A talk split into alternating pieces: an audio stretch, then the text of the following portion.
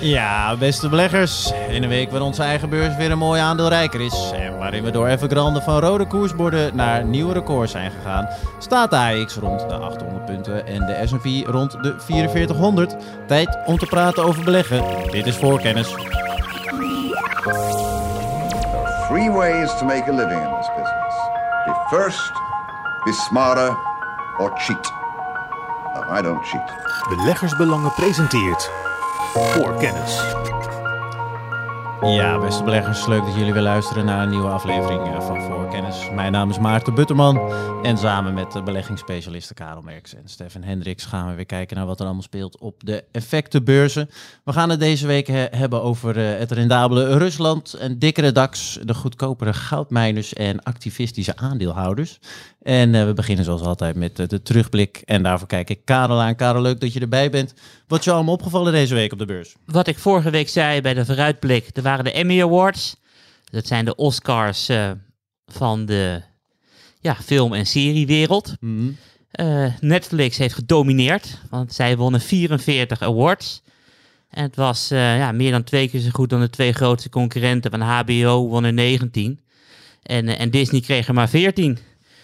Dus onze sectorfavoriet van beleggersbelangen, Netflix, deed heel erg goed. En wat ik zelf ook nog wel leuk vond, is dat ook bekend werd dat ze de rechten, Netflix heeft ook gekocht van Roald Dahl. Ja. Ken je vast wel van Charlie en de Chocolate Factory. Zeker. En die boeken zijn in 63 talen verschenen.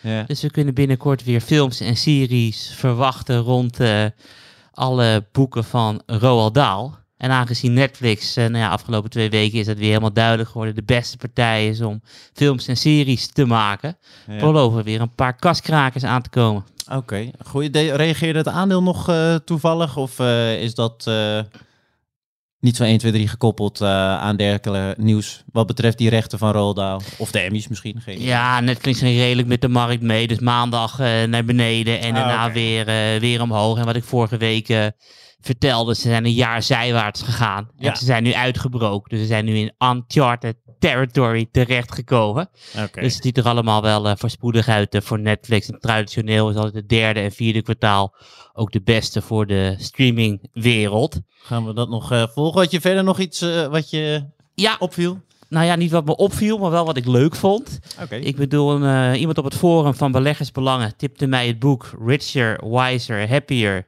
How the World's Greatest Investors Win in Market and Life. Nou, ik heb echt eh, genoten van dat boek. Oké, leuk. Want eh, die meneer Green die het boek geschreven heeft, nou ja, die heeft eh, onder andere Monis Pabai, Charlie Munger, Joel Greenblatt, Howard Marks, John Templeton en Nick Sleep geïnterviewd. Nou, ja, het zijn echt de topbeleggers ter wereld. Dus ik ben jaloers hoe hij met, met al die toppers eh, één op één heeft gezeten. Ja, maar dit boek kan ik, eh, kan ik iedereen aanraden. Oké, super. Nou, ik zal wel even een linkje in de show notes eh, zetten naar eh, een ongenoemd merk. Anders maken we reclame natuurlijk waar je het kan kopen. Stefan, we gaan even door eh, naar jou. Leuk dat jij er ook weer bij bent. Wat heb jij eh, allemaal meegemaakt deze week op de beurs? Nou, heel opvallend blijven natuurlijk de eh, ontwikkelingen in de grondstoffenprijzen. hè. Dus eh ijzererts helemaal door het putje. En dan ook wel weer een klein herstel na eh, afgelopen maandag. Eh, gasprijzen natuurlijk heel erg hoog. Waardoor in het Verenigd Koninkrijk ook een aantal eh, aanbieders van stroom en gas in de problemen zijn gekomen. Ja. Die ijzererts, ja, die heeft natuurlijk gezorgd voor heftige koersbewegingen hè, bij de mijnbouwers. Dus de Anglo-Americans en de Rio Tinto's en de BHP's van eh, deze wereld. Dat, zijn echt hele opmerkelijke bewegingen. Heel hevig, ook in korte tijd eigenlijk. Eh ijzererts ook heel erg hard in elkaar eh, gezakt. En ehm, ja, verder gekeken natuurlijk nog naar waar ik van had gezegd dat ik de vorige week op vooruit zou blikken. Hè, de beleggersdag van Thermo Fisher, maar daar komen we nog wel op terug. Ja, want daar haken we zo op in als we nog heel even kijken naar wat voor jullie voor het blad hebben gedaan. Hebben jullie Evergrande is nog niet voorbij gekomen? Kijken jullie daar naar, Stefan? Heb jij daar... het, ja, je hebt het ongetwijfeld meegekregen, maar hoe heb je daar naar gekeken? Ja, nee, heel goed. Maar ik wil zeggen, want ja, het is inderdaad moeilijk om die te missen, maar wel goed dat je die, eh, dat je die nog even aan de, aan de orde stelt. Ja, ik werd er het, het meest eh, eh, misschien wel een beetje moe van. is Evergrande, is dat nu een Lehman moment?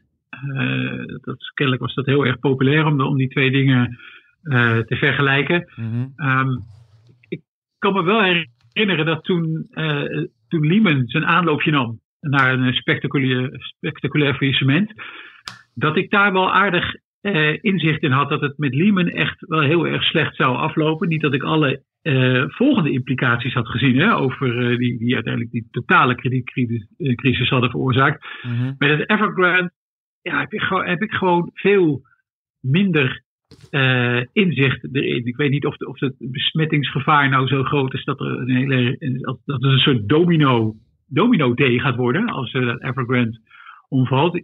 Ik heb wel het idee dat als er in China een beetje op de rem wordt getrapt, al dan niet gedwongen hè, door dit soort zaken op de hele uh, vastgoedontwikkeling, in de vastgoedmarkt. En dan ga je dat ook wel terugzien in de groeicijfers van de Chinese economie. Dat is in ieder geval het, het eerste waar ik me zorgen zou over maken. Dan kan ik me iets, uh, heb ik iets betere data van dan hoe dat nou precies zit met uh, wat Evergrande nou aan schulden bij wie heeft uitstaan. Oké. Karel, jij nog uh, hiernaar gekeken? Ja, ongetwijfeld ook. Maar... Ja, klopt. Maar bij mij valt het vooral op hoe rustig de Chinese overheid is. Want als je bijvoorbeeld kijkt naar het afgelopen jaar, dan zie je dat er in Europa heel veel quantitative easing heeft plaatsgevonden. Mm. Dus de balans werd verlengd. In de Verenigde Staten is heel erg veel quantitative easing. Daar wordt de balans verlengd. En kijk je naar de balans van de People Bank of China, dus de centrale bank van China, is afgelopen jaar uh, gedaald en staat nu op het laagste punt van de afgelopen twaalf maanden. Dus de Chinese overheid, dus, mag, mag je synoniem zien als de centrale bank, is aan het afremmen. Mm. Alleen de vraag is een beetje hoe ver gaat het afkoelen. Het moet echt de komende kwartalen moet dat blijken. En ik zelf hou de uh, high yield markt uh, in de gaten als een soort stressindicator. Ja. En die bereikte dus uh, gisteren weer de hoogste stand van de afgelopen jaren met een effectief rendement van 14,7 procent. Dus je ziet die stress in die obligatiemarkt is hier nog steeds bijna dagelijks toenemen. Dus het is niet zo dat uh, de AX staat weer boven de 800 en dat betekent dat alles in China gegaan, is opgelost. Ja. Eh. Nee, nee, nee, het zijn nog ontwikkelingen die we moeten blijven volgen. Oké, okay, we gaan nog even snel naar het... Ja, ja. Mag, mag, ik, Schiet, mag ik daar één ding over zeggen, Maarten? Zeker, zeker. Um, uh, ik zag namelijk wel een staartje dat, uh, als ik me niet vergis, het ging over de Chinese high yield markt of over de Aziatische high yield markt, maar dat real estate van die markt volgens mij bijna een procent of 50 uitmaakt. Ja, dus dan, dan gaat het al vrij snel, uh, dan gaat het al vrij snel heel hard met het effectieve rendement. Als dan een Evergrande in problemen komt en dat er misschien nog een aantal andere bedrijven zijn waarvan beleggers denken, hmm, misschien toch even wat vraagtekentjes bijzetten. Ja, duidelijk. Nou ja, dus uh, wat ik al zei, zei dan uh, zeker nog iets uh, om in de gaten te houden. Nog een fijne toevoeging. Stefan, ik blijf toch ook heel even bij jou, aangezien je toch al aan het praten was. Thermo Fisher, je noemde het al heel even. Je hebt er voor het blad ook voor geschreven en dat viel allemaal mee. Ja, ik had vorige week gezegd hè, dat ik wel uitkeek naar de beleggersdag van Thermo Fisher. Hè, daarin heel veel van die beleggingsdagen, dan, die zijn, kunnen een beetje suf zijn, waarin dan, ja, er worden weliswaar presentaties gehouden van tientallen en tientallen pagina's. En soms is het een beetje suf, niet zoveel nieuws. En de koers doet er dan ook niet zoveel mee. Maar deze was op zich wel anders. En het was ook eigenlijk anders dan ik had gedacht van uh, Thermo Fisher Scientific. Want ja, dit was, dit was ook een forse presentatie. Uh, volgens mij ook meer dan 110 pagina's, als ik me niet vergis. Maar wel met echt hele concrete doelstellingen. Dus concrete winstdoelstellingen voor volgend jaar. Die waren eigenlijk wel beter dan ik had verwacht. En nog veel beter waren de verwachtingen over um, 2023 tot en met 2025. Maar dat ziet er echt goed uit. Thermo Fisher zei gedurende de coronacrisis ja, luister, we willen, we profiteren daarvan, want we, zijn, uh, ja, we maken miljarden omzetten met coronatesten. Maar we willen ook wel zorgen dat we er als bedrijf straks beter uit die coronacrisis komen dan we erin zijn gegaan. Nou, dat is echt ontegenzeggelijk waar. Ze hebben nog een hele grote overname gedaan uh, van PPD, waardoor ze weer een nieuwe poot eigenlijk aan het bedrijf uh, vast hebben geplakt.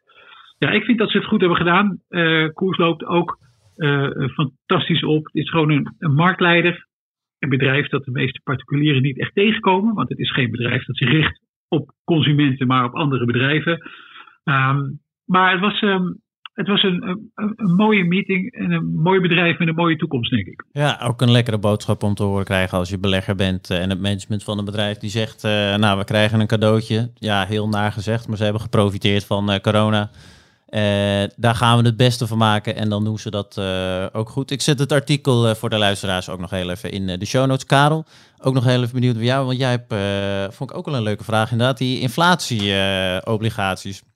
Klopt, ik bedoel je kan obligaties kopen of je kan inflatieobligaties kopen. Nou ja, obligaties hebben dus een vaste rente en inflatieobligaties hebben een bepaalde uitkering boven de inflatie, waardoor je gewoon een soort gecorrigeerd inflatie iets hebt. En de laatste tijd zijn er aardig wat vragen binnengekomen bij de redactie van Beleggersbelangen. Om uh, dat de inflatie toeneemt. En moet je dan niet in die inflatiebestendige obligaties? Ja. Ik heb bijvoorbeeld naar een, een, een lening erbij gepakt. Die afloopt in 2068. Dus dat duurt nog eventjes. En dat is dan de, de Britse lening en de uitkering is uh, eh, 1 achtste, oftewel 0,125, boven de CPI, dus de Britse inflatie. Mm Denk je van, ja, het is niet veel, maar ja, je kan dus wel je geld in stand houden en sommige beleggers willen dat. Alleen het probleem is, je krijgt dus alleen die uitkering wanneer je die lening koopt uh, op 100 en er netjes wordt afgeloosd op 100. Alleen beleggers zijn dus uh, massaal naar die obligatie gerend, waardoor ze er geen 100 meer voor betalen, maar 309. Dus er is al 209% koerswinst geweest op die obligaties, waardoor je nu een effectief rendement krijgt wat 2,3% de komende 47 jaar onder de inflatie ligt. Ja, dus als je, hem oud, als je hem aanhoudt, heb je gewoon 47 jaar, elk jaar 2,3% uh, koopkrachtverlies. Maar hoe komt die prijs van die obligaties tot? Want dat weet ik eigenlijk niet. Maar is het, is dat dat heel veel mensen zich inschrijven en des te voller de inschrijving is, nou ja, de, de komt die koers tot stand of is dat gewoon een open markt? Het is gewoon een open markt. Dus de prijs is nu uh, ja, dus 309. en als jij denkt, ik wil er 310 voor betalen, dan betaal je er 310 voor. En sommige mensen denken, oh, inflatieobligaties moet je hebben als er inflatie komt. Die betalen er 320 voor. Dus uiteindelijk kan die koers uh, nog veel hoger gaan. Alleen je bent dus niet je geld aan het beschermen. Je bent aan het speculatie aan het doen met de greater fool theory. Je denkt dat er altijd wel iemand is die meer wil betalen dan jij. Oké, nou, we gaan mee. Maakt het een beetje in lijn, uh, misschien ook met het stukje van Stefan van vorige week, van de, de gekke obligaties die op dit moment, uh, of wat er allemaal gaande is in ieder geval. Dat, ja, klopt. Uh, Alleen vaak op het moment dat je dan voor 1% aan Griekenland leent, dan weten mensen dat er misschien iets niet klopt. En bij inflatieobligaties moet je nog eventjes uitrekenen wat het effectieve rendement is. Okay, nou, we gaan volgen. Ja, ik weet... ergens op in. Ja, schiet Stefan. Heel kort. Ja, ik weet van, van voorheen wel dat um, uh, bijvoorbeeld Britse pensioenfondsen ook wel werden gedwongen om dit soort obligaties in portefeuille te nemen. Dus dan heb je ook nog een keer een partij die in die markt zit, die, uh, die soms wel moet kopen. Ik weet niet of die regels nog steeds gelden. Maar ik heb net zoals Karel wel vroeger ook eens naar die effectieve rendementen van dit soort Britse inflation linked, zoals die dan heten, leningen gekeken.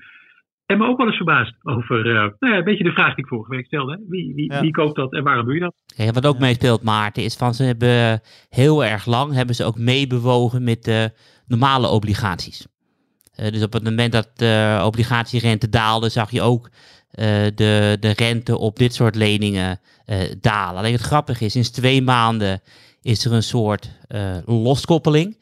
Je ziet die inflatieobligaties nog stijgen, maar de gewone obligaties zijn wat uh, aan het dalen. Dus beleggers zijn wel duidelijk aan het voorsorteren op inflatie. Ja, en van jou heb ik ooit begrepen uh, nog dat de obligatiemarkt er altijd vooruit loopt op de aandelenmarkt. Of uh, zeg ik dan hele gekke dingen? Nee, ik heb wel eens geschreven dat obligatiesbeleggers een maximale winst hebben. En omdat de winst gemaximaliseerd is, zullen ze rekenen op wat voor manieren ze geld kunnen verliezen. Bij de aandelenmarkt is de winst ongelimiteerd. Dus ze gaan niet rekenen wat ze kunnen verliezen. Ze gaan dromen wat ze kunnen verdienen. Okay, ik denk nou, dat je daarnaar verwijst. Dat uh, is een hele mooie nuance om uh, daar aan de hand van uh, verder te gaan naar de volgende onderwerp. Voorkennis. Volgende, de eerste moet ik eigenlijk zeggen. En Stefan die nog wat wilde zeggen, die komt ongetwijfeld nog aan de beurt bij zijn onderwerp. We beginnen namelijk met Rusland. eh, want daar gaat het eh, op de aandelenmarkt in ieder geval lang niet slecht. Sterker nog, Rusland eh, doet het hartstikke goed. En dat trok de aandacht van Karel. Vertel. Ja, klopt. eh strenge presentator Maarten. Ja, Die was goed in bedwang houdt. Nee, als je kijkt naar de AX, dan zie je dat eh, deze index dit jaar heel goed gepresteerd heeft. Onder andere Adyen, ASMI, eh Bezi, eh, ASML, et cetera. En de AX staat er 28% hoger. En de westerse aandelen, eh, die zitten in de MCA World, staat eh, 22% hoger. Dus de eh, ja, behoort eh, tot de top. Maar de AX behoort niet tot de wereldtop. Daar komt onder andere bijvoorbeeld Rusland voorbij. Die zit dit jaar alweer op 35%. En van de 92 eh, grote beurslanden is dat goed voor een eh, top 5 positie. En Rusland heeft namelijk grondstoffen. En grondstoffen presteren in 2021 eh, nog beter dan chips en technologie. Mhm. En een grappig feitje is, als je dan kijkt naar de afgelopen vijf jaar, doet Rusland het al vijf jaar uitstekend. Want de S&P eh, 500 zit inclusief dividend op 114% rendement en Rusland zit op 109. Mhm. Terwijl Amerikaanse aandelen met een cape, dat is de gemiddelde winst van de afgelopen 10 jaar gedeeld door de huidige koers, op 38 zit. En Rusland heeft nog steeds een waardering van 9. Ja, bizar. Dat vroeg ik me dus af. Je zei net, als ik het goed verstond, de afgelopen tien jaar wordt die waardering berekend. Nou, je pakt de winst van de afgelopen 10 jaar, Ja. zodat je een winst hebt die houdbaar is. Want ik bedoel, bij de top van de economische cycli zal je veel meer geld verdienen dan op de bodem. Dus je pakt de winst van de afgelopen 10 jaar en dan heb je een, een houdbare winst voor een index. En die houdbare winst deel je dan door eh, de koers van die index. Oké, en dat verklaart nog zo het zulke grote verschil, ondanks de vijfjarige stijging ook van Ja. Rusland, tussen eh, die waarderingen van de Klopt, Amerika klopt. En Amerika is natuurlijk echt heel erg hoog. Ja. En het Amerikaanse rechtssysteem is ook heel veel beter dan het Russische rechtssysteem. Dus Ja. ik bedoel, Russische aandelen zullen nooit op, eh, op 38 gaan noteren. Want het is alleen voorbehouden aan eh, westerse landen die het allemaal heel goed geregeld hebben. ja. En Rusland is niet westers en heeft het ook niet heel erg goed geregeld. Alleen je hebt natuurlijk wel bepaalde Het lachje van Steffens tussendoor, sorry, ga verder. je hebt ook bepaalde eh, punten in de geschiedenis dat Rusland bijvoorbeeld stijgt naar een waardering van bijvoorbeeld 24. Ja. En dat is tijdens een commodity supercycle. Ja. We zitten nog niet in een commodity supercycle. Alleen het afgelopen half jaar hebben commodities wel heel erg goed gedaan. Ja. Dus die waardering mag misschien wel wat omhoog. Stefan zei al bij de intro, eh, de gasprijzen. Ja. Nou ja, wie heeft er heel veel gas? Dat zijn, eh, zijn de Russen. En als je dan kijkt eh, naar die index, eh, zit Gazprom in, Lukoil, Novatek. Het zijn allemaal bedrijven die het van olie en, en gas moeten hebben. Ja, daar ben ik benieuwd. We komen zo nog heel even terug hoe je eventueel op wat voor wijze je allemaal van Rusland en de, de mogelijke toekomstige heuse mochten zo'n cyclus komen van kan profiteren. Stefan, ik ben nog ook heel benieuwd. Je lachte al een klein beetje, maar ik ben daar op zich wel benieuwd naar. Want ik- je moet met, als je belegt bij Rusland wel eh, rekening houden met ja, de overheid daar en internationale relaties. Vermoed ik, zijn er nog andere dingen die je zo 1, 2, 3 kan bedenken waar je ja, exposure aan hebt als je in Rusland eh, gaat beleggen? Nee, ik denk dat die, Maarten, waar je volgens mij gelijk in hebt, is die overheid is daar zo overheersend. Ik weet nog wel dat ik echt jaren geleden, dat praat ik volgens mij al, denk ik, over zo'n jaartje of zeven geleden, ook al bij ehm kwam van grote internationale beleggers. En er waren ook al beleggers die waren heel erg enthousiast over Rusland. En die zeiden bijvoorbeeld, kijk eens, je kunt Gazprom kopen tegen een koers-winstverhouding van vier. Nou, dan kan er een hoop misgaan. Hè? Als je, als je zo'n ontzettend eh, lage waardering hebt. En dus die waren ook best wel overtuigd, die beleggers, van dat je daar moest zijn. Maar die zeiden tegelijkertijd, ja, als we heel eerlijk zijn, weten we ook niet precies waar uiteindelijk de cashflow van zo'n bedrijf als Gazprom nou precies terechtkomt. Of, dat, of wij als aandeelhouders daar nou echt van gaan profiteren, of dividenden onze kant op komen, of dat er opeens een staatsbelasting komt, waardoor Gazprom misschien zelf wel goed gaat eh, en veel geld verdient, maar dat geld uiteindelijk niet bij ons terechtkomt. En dat maakt natuurlijk ook dat die waardering altijd laag is en in zekere zin ook een beetje laag zal blijven, want die, ja, die onzekerheid Ja. hangt natuurlijk wel boven het hoofd van beleggers. Ja, ik, dat uh, verklaart meteen waarom uh, in mijn tijd bij Beleggsbelang in ieder geval nooit een artikel over Gazprom voorbij heb zien komen. Het is misschien lastig te waarderen. Karel, ik ben, uh, stel je wil of van de grondstoffen daar in Rusland profiteren of gewoon van een eventuele verdere stijging van Rusland zelf. Wat is dan de best manier? Is dat via een ETF? Zijn er nog andere manieren? Ik heb geen idee. Staatsobligaties? Noem eens wat. Wat zou eventueel uh, een aanrader zijn? Waar kunnen beleggers naar kijken? Staatsobligaties heeft natuurlijk een, uh, een zwart randje.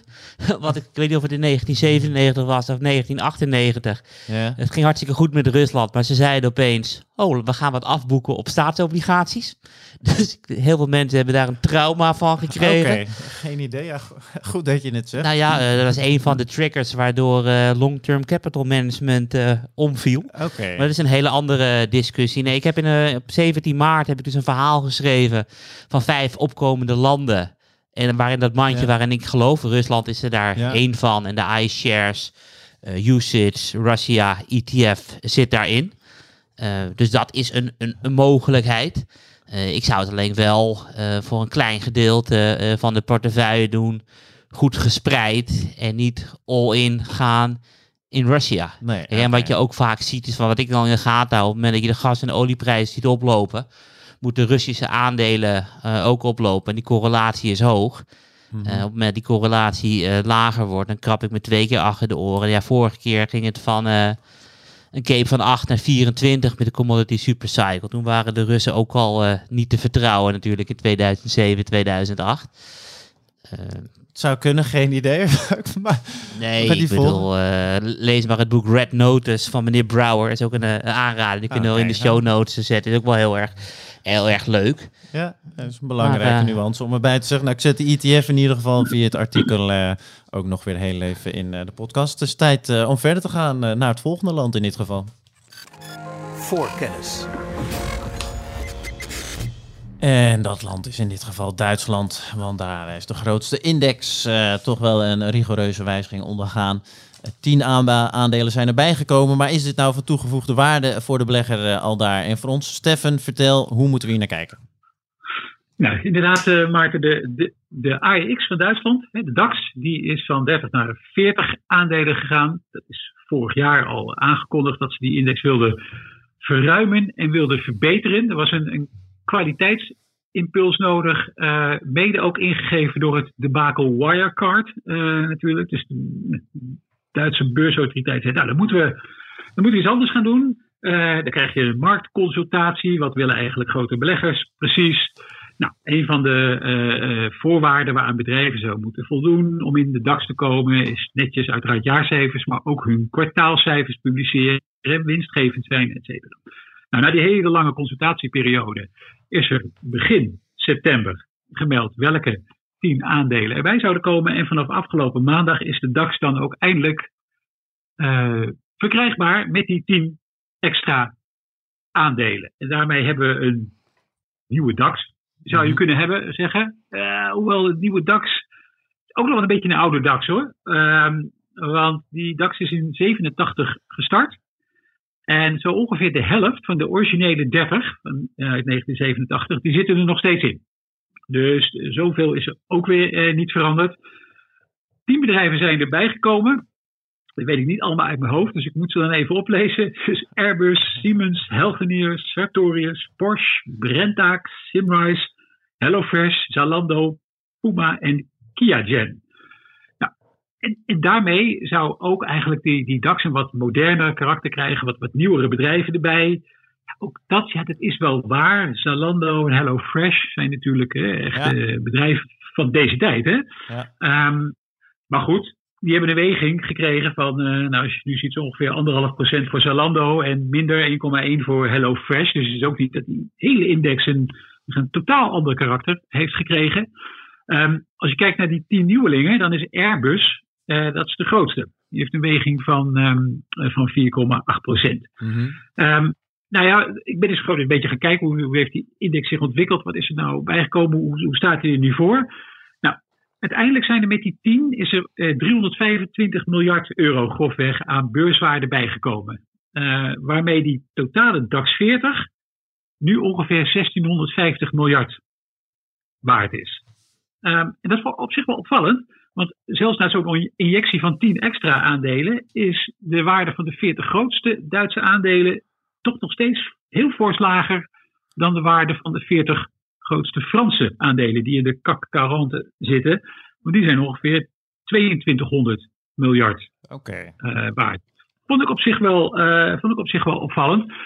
Maar daarna ben ik eens wat verder gaan kijken naar die, naar die landenindices die we dan hebben in Europa. En dan, ja, dan valt toch op dat eigenlijk die, die individuele landen heel erg door een klein groepje aandelen wordt gedomineerd. Dus als je bijvoorbeeld kijkt naar de top 5 in de nieuwe DAX 40, ja, die heeft al een, een, gezamenlijke weging van zo'n 37% En de top 5 van de CAC 40 is ongeveer 35% Maar als je kijkt naar de top 5 van de AEX, dan zitten we al ongeveer op 55 En je ziet dat die indices ja, heel erg bepaald worden door een aantal echt hele grote bedrijven. Dus in Nederland hè, heb je dan ehm, ASML en Unilever, die eh, eh, tussen de 14 en de 15 procent weging hebben. Linde en SAP in de, in de DAX met meer dan 9 procent. En LVMH in de CAC 40 met eh 11,5 procent. Ja, dus ik heb dan nog steeds het idee dat je, als je zoekt naar, naar gewoon een referentieindex, een index die gewoon een beetje meet wat er in Europa gebeurt, kun je eigenlijk beter die landenindices wat meer links laten liggen. En bijvoorbeeld kijken naar een pan-Europese index, een Stox Europe 600 bijvoorbeeld. Want als je daar kijkt, ja, daar is ASML ook het grootste bedrijf. Maar dan is de weging een procent of 3. En LVMH Oké. 1,6. En Linde en S&P zo tegen de 1,3. Het geeft eigenlijk een wat beter beeld van wat er op de Europese markt aan de hand is dan die eh, individuele landenindices. Die op zich wel grappig zijn om te volgen natuurlijk. En geeft Nou ja, een beeld van wat Je zag wel, en ik zat toevallig voor het inlezen hier naar te kijken, maar de AX die staat bijvoorbeeld al op nieuwe recordstanden, terwijl de rest nog wat achterblijft. Tot tenminste om en bij een nieuwe recordstand. En dat komt dan wel door de bepaalde wegingen vermoedelijk die wij hebben, wat een beetje jouw verhaal ook eh voedt. Als ik het zo Ja, goed absoluut, begrijp. maar- Ja. Nee, absoluut. Maar ik heb ook over de afgelopen jaren wel eens gekeken welke aandelen er nu bijdragen hebben geleverd aan de stijging van de totale AX. Nou, dan is het eigenlijk al een paar jaar achter elkaar, dat is niet zo verwonderlijk, is het ASML, die dan eh, goed is voor 30, 40 procent van de totale winst van de AX. En dat zie je in Frankrijk met LVMH ook. Dus die, bij die landenindices is het natuurlijk wel zo hoe interessant ze en, en, en leuk ze ook zijn om te kijken wat er in dat land eigenlijk te verkrijgen is Ja. is het natuurlijk wel zo dat die individuele aandelen daar zo'n index of helemaal omhoog of helemaal omlaag kunnen trekken. Terwijl als je dan pan-Europees kijkt, ja, dan, heb je een, dan heb je een wat betere blik op wat er eh, eh, in, de, eh, in de Europese markt eigenlijk aan de hand is. Ja, en als belegger zelf ook, want daar ben ik nu ook wel in verband met die, eh nou, de wijziging in Duitsland dan naar. Stel dat ik, ik, ik zat in de DAX, ik heb een trekker of iets dergelijks. Wat, wat verandert er allemaal voor mij als belegger daarvan? Is, ik zit, neem ik aan, in wat meer andere sectoren ook, aangezien het eh, een iets moderne jasje moest krijgen? Of? Ja, je zit in wat andere sectoren. Dus je zou kunnen zeggen dat er eh, aan, de, aan, de, aan de technologie, eh, healthcare kant wel wat is toegevoegd. Met Siemens Healthineers bijvoorbeeld. Mhm. Dat is een groot bedrijf, maar niet met een supergrote free float, omdat het moederbedrijf Siemens daar nog een groot belang in heeft. Dus die weging is niet super zwaar. Het, het grootste wat voor jou verandert is eigenlijk is die Airbus die je nu opeens bij hebt. Ja. Maar dat is op zich wel apart, want die heeft min of meer dezelfde weging ook in de kakkerand, die Ja. Airbus. Dus die zit in, zit in allebei die, eh, die indices. Er verandert niet super veel nog, eh, Maarten. Het is natuurlijk wel zo dat er met wat nieuwe bedrijven, als die bedrijven ook weer echt gaan groeien, dan zie je, ze, dan zul je dat belang in die index ook wel zien gaan veranderen. En dat betekent dat als je een tracker hebt op de DAX, dat je daarin meedoet. Hè? Want zo'n tracker Ja. moet natuurlijk die 40 aandelen eh, volgen. Dus die zitten er nu ook in. Hè? Dat kun je ook zien bij de, bij de trackers die eh, verhandelbaar zijn.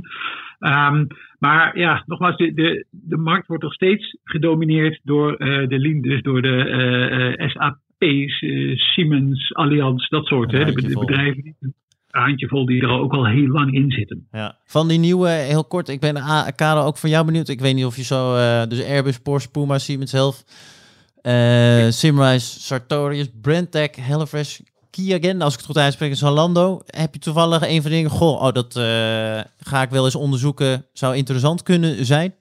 Ik ga ze sowieso allemaal onderzoeken. Kijk, wat een instelling. Kijk, en, en niet eh, omdat ik het allemaal interessante bedrijven vind, maar omdat ik heel erg nieuwsgierig ben wat voor koersreacties die tien aandelen gaan hebben. Want als je nu kijkt naar de Verenigde Staten, zij lopen echt nog ruimschoots voor op Europa wat betreft beleggen in ETF's. Ja. Dan zie je dat die eerste 500 bedrijven in de Verenigde Staten echt veel en veel beter presteren dan bedrijf nummer 501 tot en met 1000.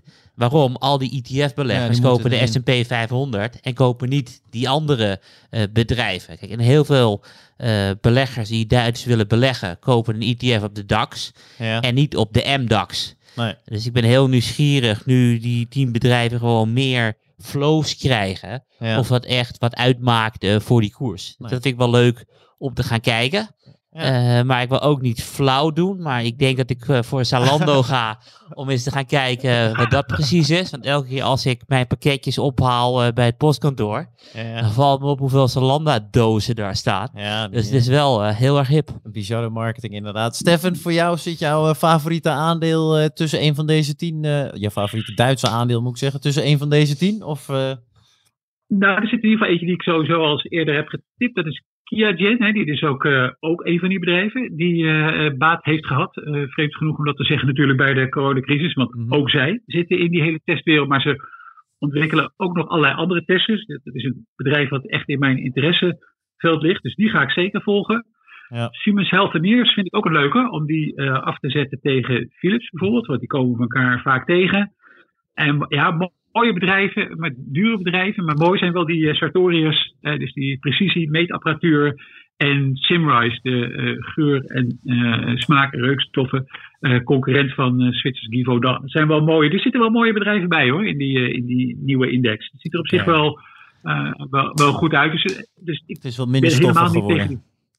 Het is wat minder stoffig geworden. Het, is ook wel mooi om, die, om, die, eh, hè, om een nieuw elan te hebben. Alleen bij ons in de AEX zie je dat als het eh, dus, eh, heel erg goed gaat met een, een ASML. Nou, je ziet dat is meteen een, bij ons dan een dominant fonds. Adyen bijvoorbeeld, ook een relatief jong bedrijf. Is Ja. ook alweer een, een dominant fonds. Ja, bij sommige gaan. van deze bedrijven.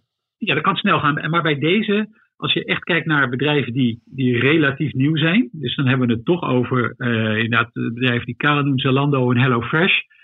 Ehm ja, ik twijfel er wel aan of die een, een ASML, Adyen-achtige eh, dominantie in de DAX zullen gaan hebben. Oké, nou dat eh, gaan we volgen. Komen we daar ongetwijfeld nog een keer op terug. Tijd om verder te gaan naar het volgende onderwerp.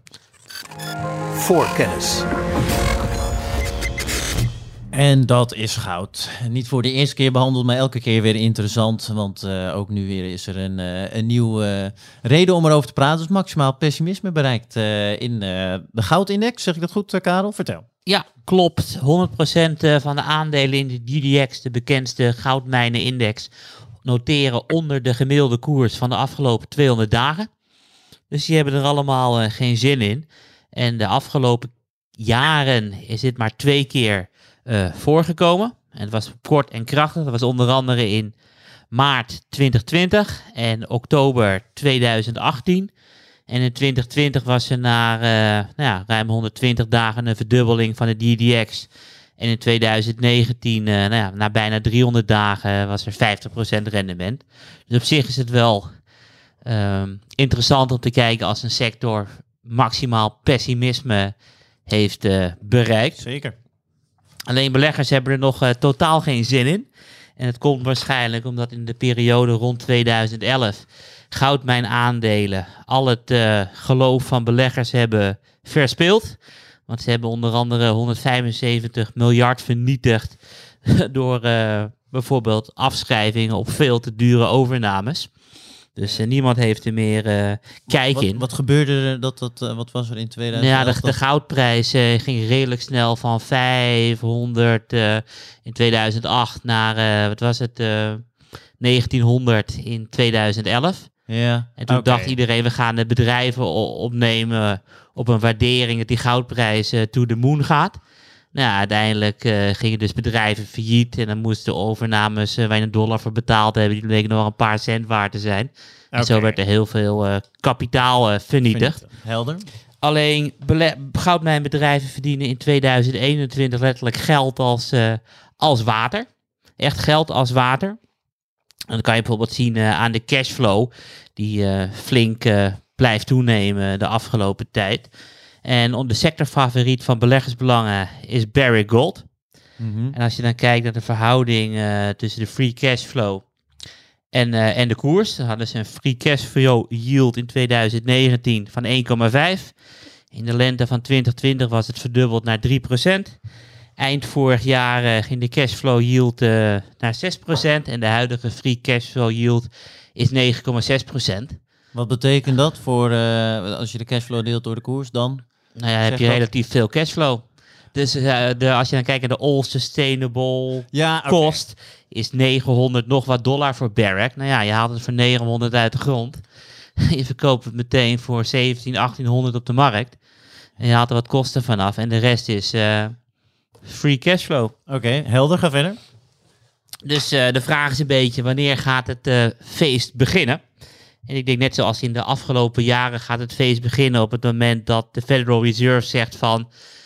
We waren te hawkies en we mogen wel weer wat meer eh, de markt stimuleren, wat de markt wil. En we hadden gisteren natuurlijk een behoorlijk hawkies eh Jerome Powell, die in de persconferentie zei... eh, we kopen nu nog voor 120 miljoen, miljard, 120 miljard aan assets elke maand. Mhm. En het is waarschijnlijk halverwege 2022 volledig afgebouwd. Nou ja, ik ben benieuwd hoe dit gaat. Ik bedoel, de afgelopen tien jaar staat vol met mooie plannen van de Fed. Die ze niet hebben kunnen verwezenlijken.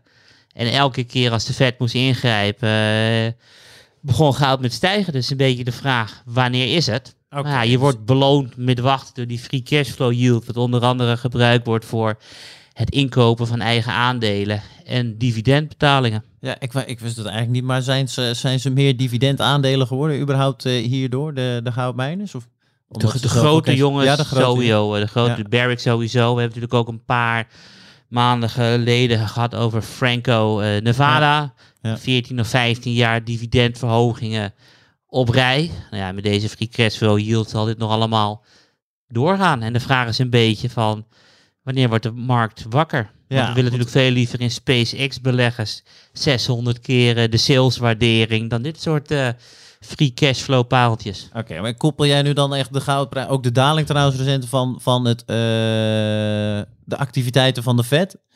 Of zijn er ook nog andere oorzaken waardoor bijvoorbeeld eh 100% is bizar. Ik weet niet of dat überhaupt ooit in een sector gebeurt, maar gebeurt dat wel eens vaker dat de 100% van de aandelen onder een eh Ja, zeker weten. Ik bedoel, het, de gemiddelde van de los van de afgelopen... crashes misschien, maar eh, Kijk, nu zeg je dus een hele grote eh, Ja. uitzondering achteraf. Ik bedoel, kijk, 200 dagen eh, en je hebt crashes die twee jaar duren. Dus het komt wel regelmatig voor natuurlijk. Ja, nee, zonder meer. Stefan, jij, eh, jij zit ook met een van de twee portefeuilles van beleggersbelangen in ieder geval in een stukje goud. Kijk jij er anders naar eh, tegenwoordig?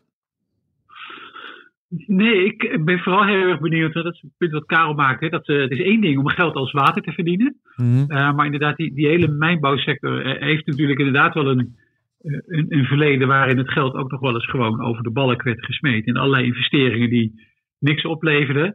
Eh, nou, we hebben het hier in de podcast al eens eerder gehad over die mijnbouwbedrijven. Ja. Die, eh, die ook nu dividend verhogen, aandelen inkopen en speciale dividenden uitkeren. En daarmee een beetje de zorgen van aandeelhouders proberen weg te nemen. Dat ze niet in allerlei vreselijk slecht renderende projecten gaan zitten.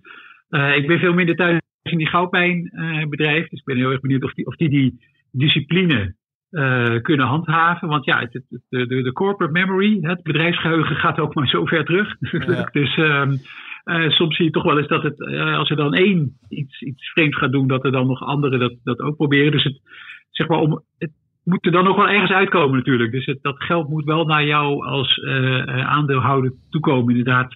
Het zij via aandelen inkopen, het zij via eh dividend. En ik heb niet de indruk, Karel, dat ze eh, dat het wemelt van de interessante investeringsprojecten voor die bedrijven. Nee, klopt. Ik bedoel, als je dan kijkt naar de hoeveelheid goud die gewonnen wordt. Het wordt elk jaar weer minder dan het jaar daarvoor. En elk jaar kost het weer meer. Kijk, en de reden waarom Barrick de sectorfavoriet van beleggersbelangen is, dat ze van alle grote uh, goudmijnbedrijven de meeste tier 1 mijnen hebben. En een tier 1 mijn is een mijn die gewoon nog minimaal uh, 10 jaar op maximale productie kan, kan draaien. Oké.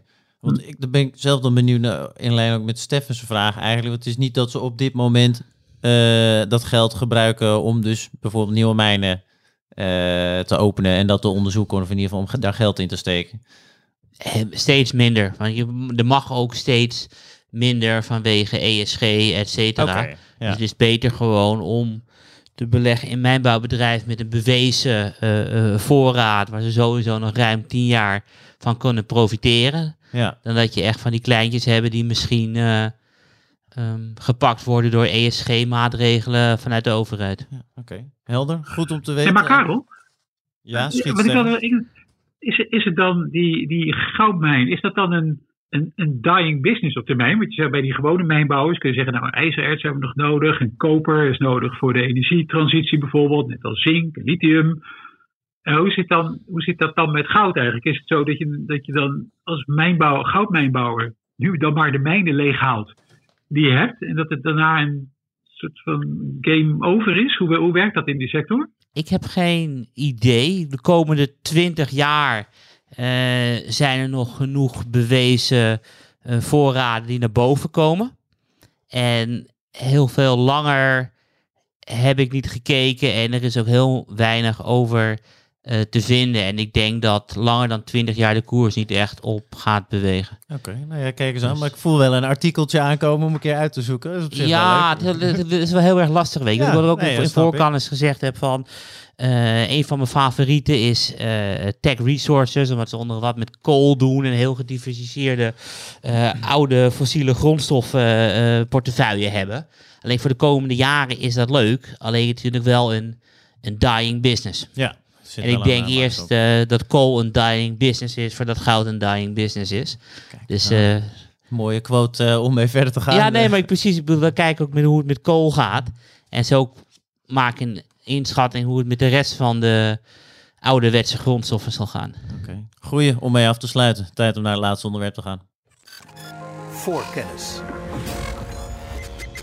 Want dat zijn de activistische oude aandeelhouders. Die uh, zijn weer in beweging. En uh, ja, dat is op zich wel handig om te weten hoe je daar nou precies als belegger mee om moet gaan. Steffen, uh, ja, jij kaart het aan. Vertel, wat is er allemaal gaande?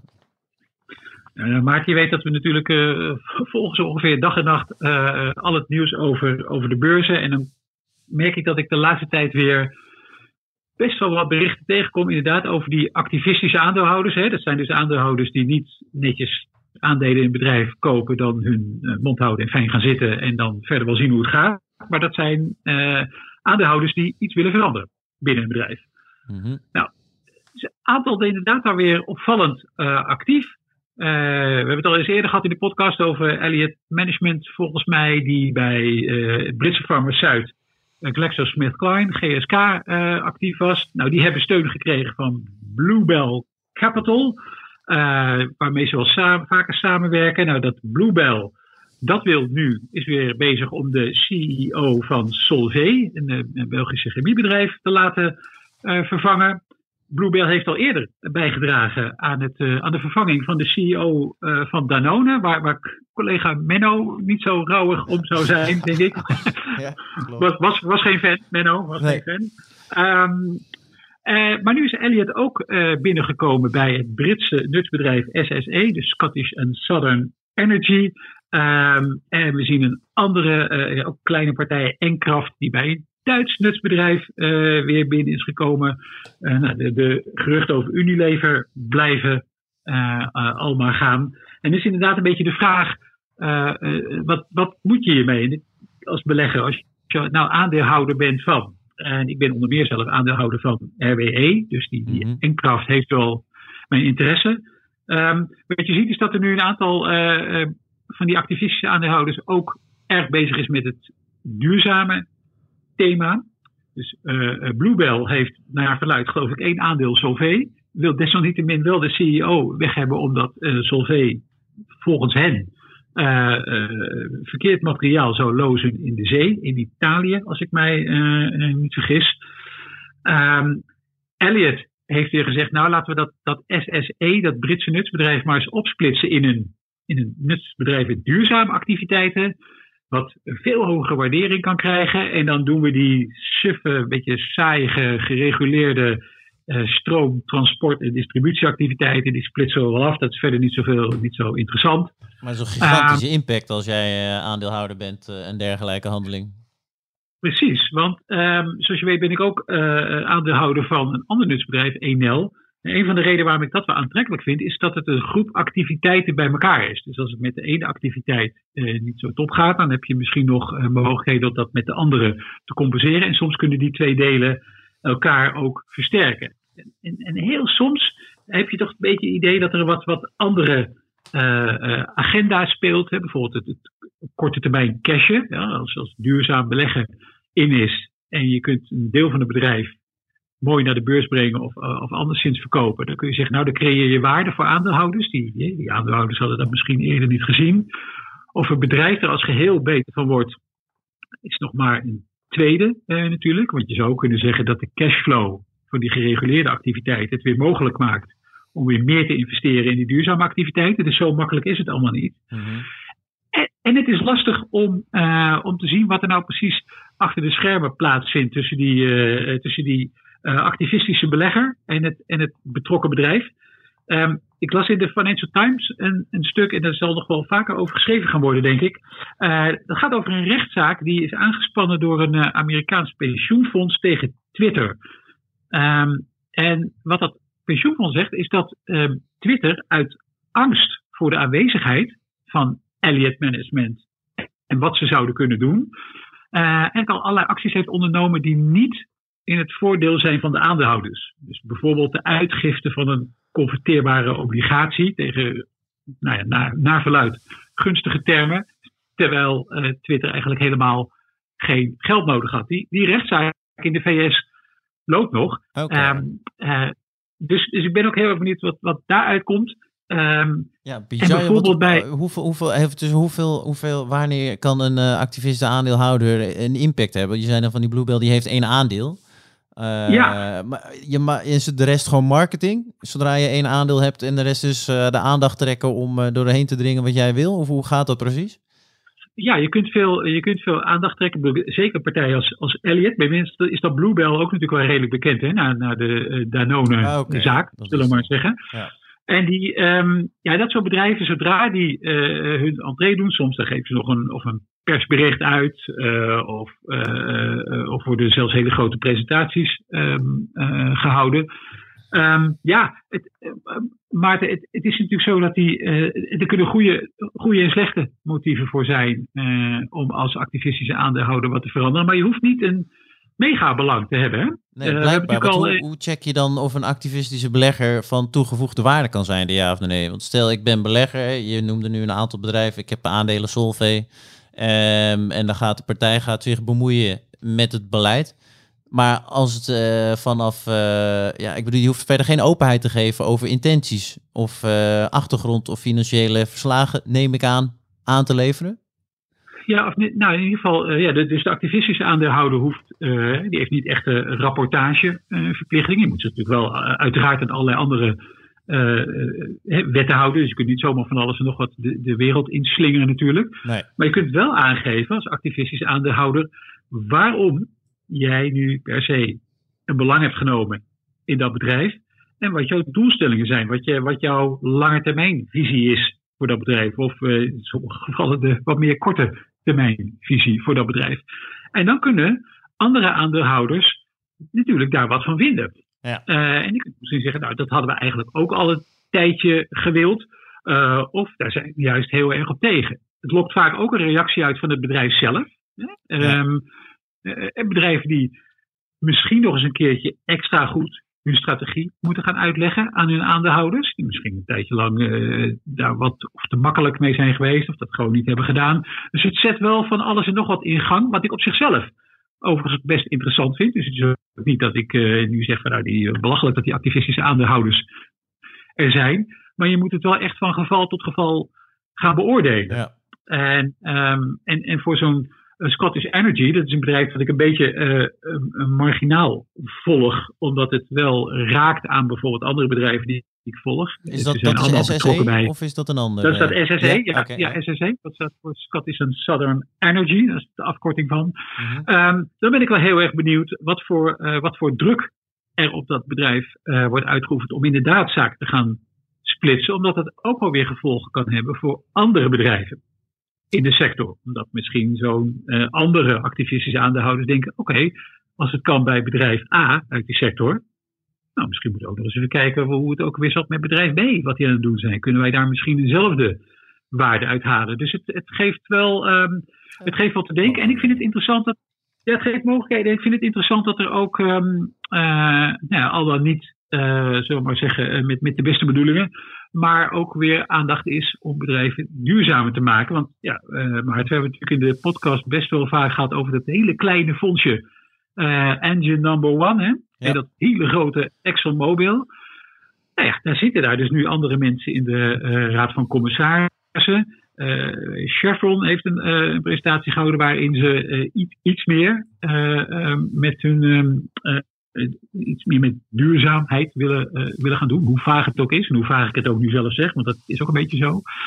Um, dus die, ook die kleine partijen kunnen wel wat ja. in gang zetten bewerkstelligen, inderdaad. Is er uh, heel kort hoor, maar ik weet toevallig in het verleden dat er uh, heb je een paar voorbeelden van hele succesvolle uh, of misschien hele slechte eigenlijk van dit soort gebeurtenissen? Nou, er, ja, er schieten me er zijn er best veel, Maarten. Als je gaat zoeken, dan kom je op echt heel veel. Een paar dan, die met de binnen schieten. Een van de eerste, waar ik me echt heel erg, waar ik heel erg bewust van was, was natuurlijk um, de Children's Investment Fund en ABN AMRO. Uh, het Children's Investment Fund heeft eigenlijk de hele samengaan van uh, ABN AMRO en Barclays volgens mij getorpedeerd het, in het, in het bedrijf laten opsplitsen. Ik bedoel, iedereen die het boek De Prooi heeft gelezen, uh, nou, die, die, die weet wat voor impact dat, dat TCI, zoals het afgekort is, heeft gehad. Nou, Engine Number One en Exxon hebben we het natuurlijk over gehad. Interessant vind ik ook wel um, Nelson Pelt, is een Amerikaanse activistische aandeelhouder die bij Procter, uh, Procter Gamble, toch wel het een en ander uh, heeft bereikt. Uh, maar het gaat niet allemaal goed. Zweeds, Zweedse activistische aandeelhouder van de, nou laten we maar zeggen, de, wat zachtere soort. Dus de meer achter de schermen rustig pratende soort. Sevian heet die partij. Die heeft um, belangen genomen in ThyssenKrupp. Um, nou, die koers is hard onderuit gegaan. Uh, heb ik zelf helaas ook uh, heb ik dat gevoeld.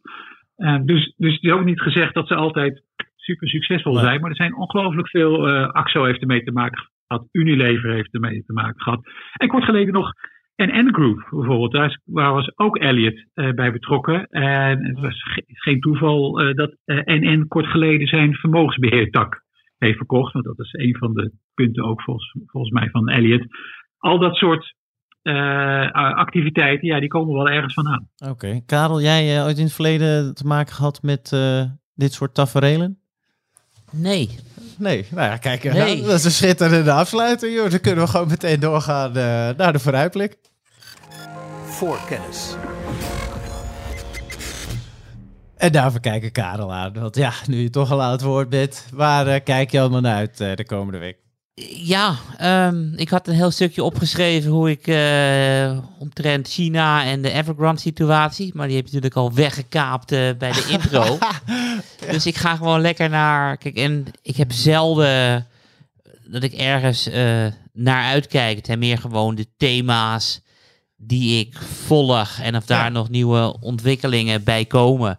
Maar er komen geen interessante cijfers uit of iets dergelijks. Geen speeches, helemaal niks. Nee, ik bedoel, wat verkiezingen in het buurland volgens mij. Maar volgens oh, ja. mij uh, is dat het wel. Ja, Oké, okay. nou, dan gaan we naar Stefan toe. Stefan, waar kijk jij naar? Nou, er zijn uh, toch nog wel uh, in ieder geval wat aan cijfers. Uh, het chipbedrijf Micron natuurlijk, volgende week, de 28e. En ik ben wel benieuwd of daar bijvoorbeeld informatie uitkomt over uh, prijzen van halfgeleiders. Want dat vind ik op zich wel interessant. Uh, Micron is ook zo'n aandeel waarvan ik al een tijdje denk, moet ik dat nou toch wel of niet in uh, portefeuille nemen? Ja, en dan hebben we natuurlijk de 26e ook de verkiezingen in Duitsland. En ja, dat kan natuurlijk ook gevolgen hebben. want ja, we hebben het ook al gehad over die activistische aandeelhouder en RWE. En een van de dingen die die activistische aandeelhouder wil, is dat um, RWE nu wat versneld afscheid gaat nemen van steenkool- en bruinkoolcentrales, die natuurlijk extreem vervuilend zijn. Maar tegelijkertijd houden die nog wel veel mensen uh, aan het werk in de deelstaat waar RWE zijn hoofdkantoor ook heeft. Um, dus ja, die verkiezingen kunnen ook weer implicaties hebben voor dit soort bedrijven. Maar volgens mij ligt op kop de huidige minister van Financiën, toch? Zeker, maar uh, ook, Duitsland, ook Duitsland zal naar een coalitie toe moeten. En dan is even de vraag, wie schuift aan? Ja, nou, dat gaan we dan meemaken. Druk maar dat muziekje in hoor, maar... Ja, de, richting het einde aan het gaan. Dan moet ik hem helemaal vol praten. Maar daar komen we wel. We komen volgende week uh, uiteraard terug uh, op de uitslag van de Duitse verkiezingen. En misschien blikken we ook nog heel even naar Micron. En uiteraard hebben we dan ook weer een paar mooie onderwerpen op de plank voor jullie liggen. Karel, dank weer voor de bijdrage. Stefan, jij uiteraard ook weer bedankt. En tot de luister zeggen we tot volgende week.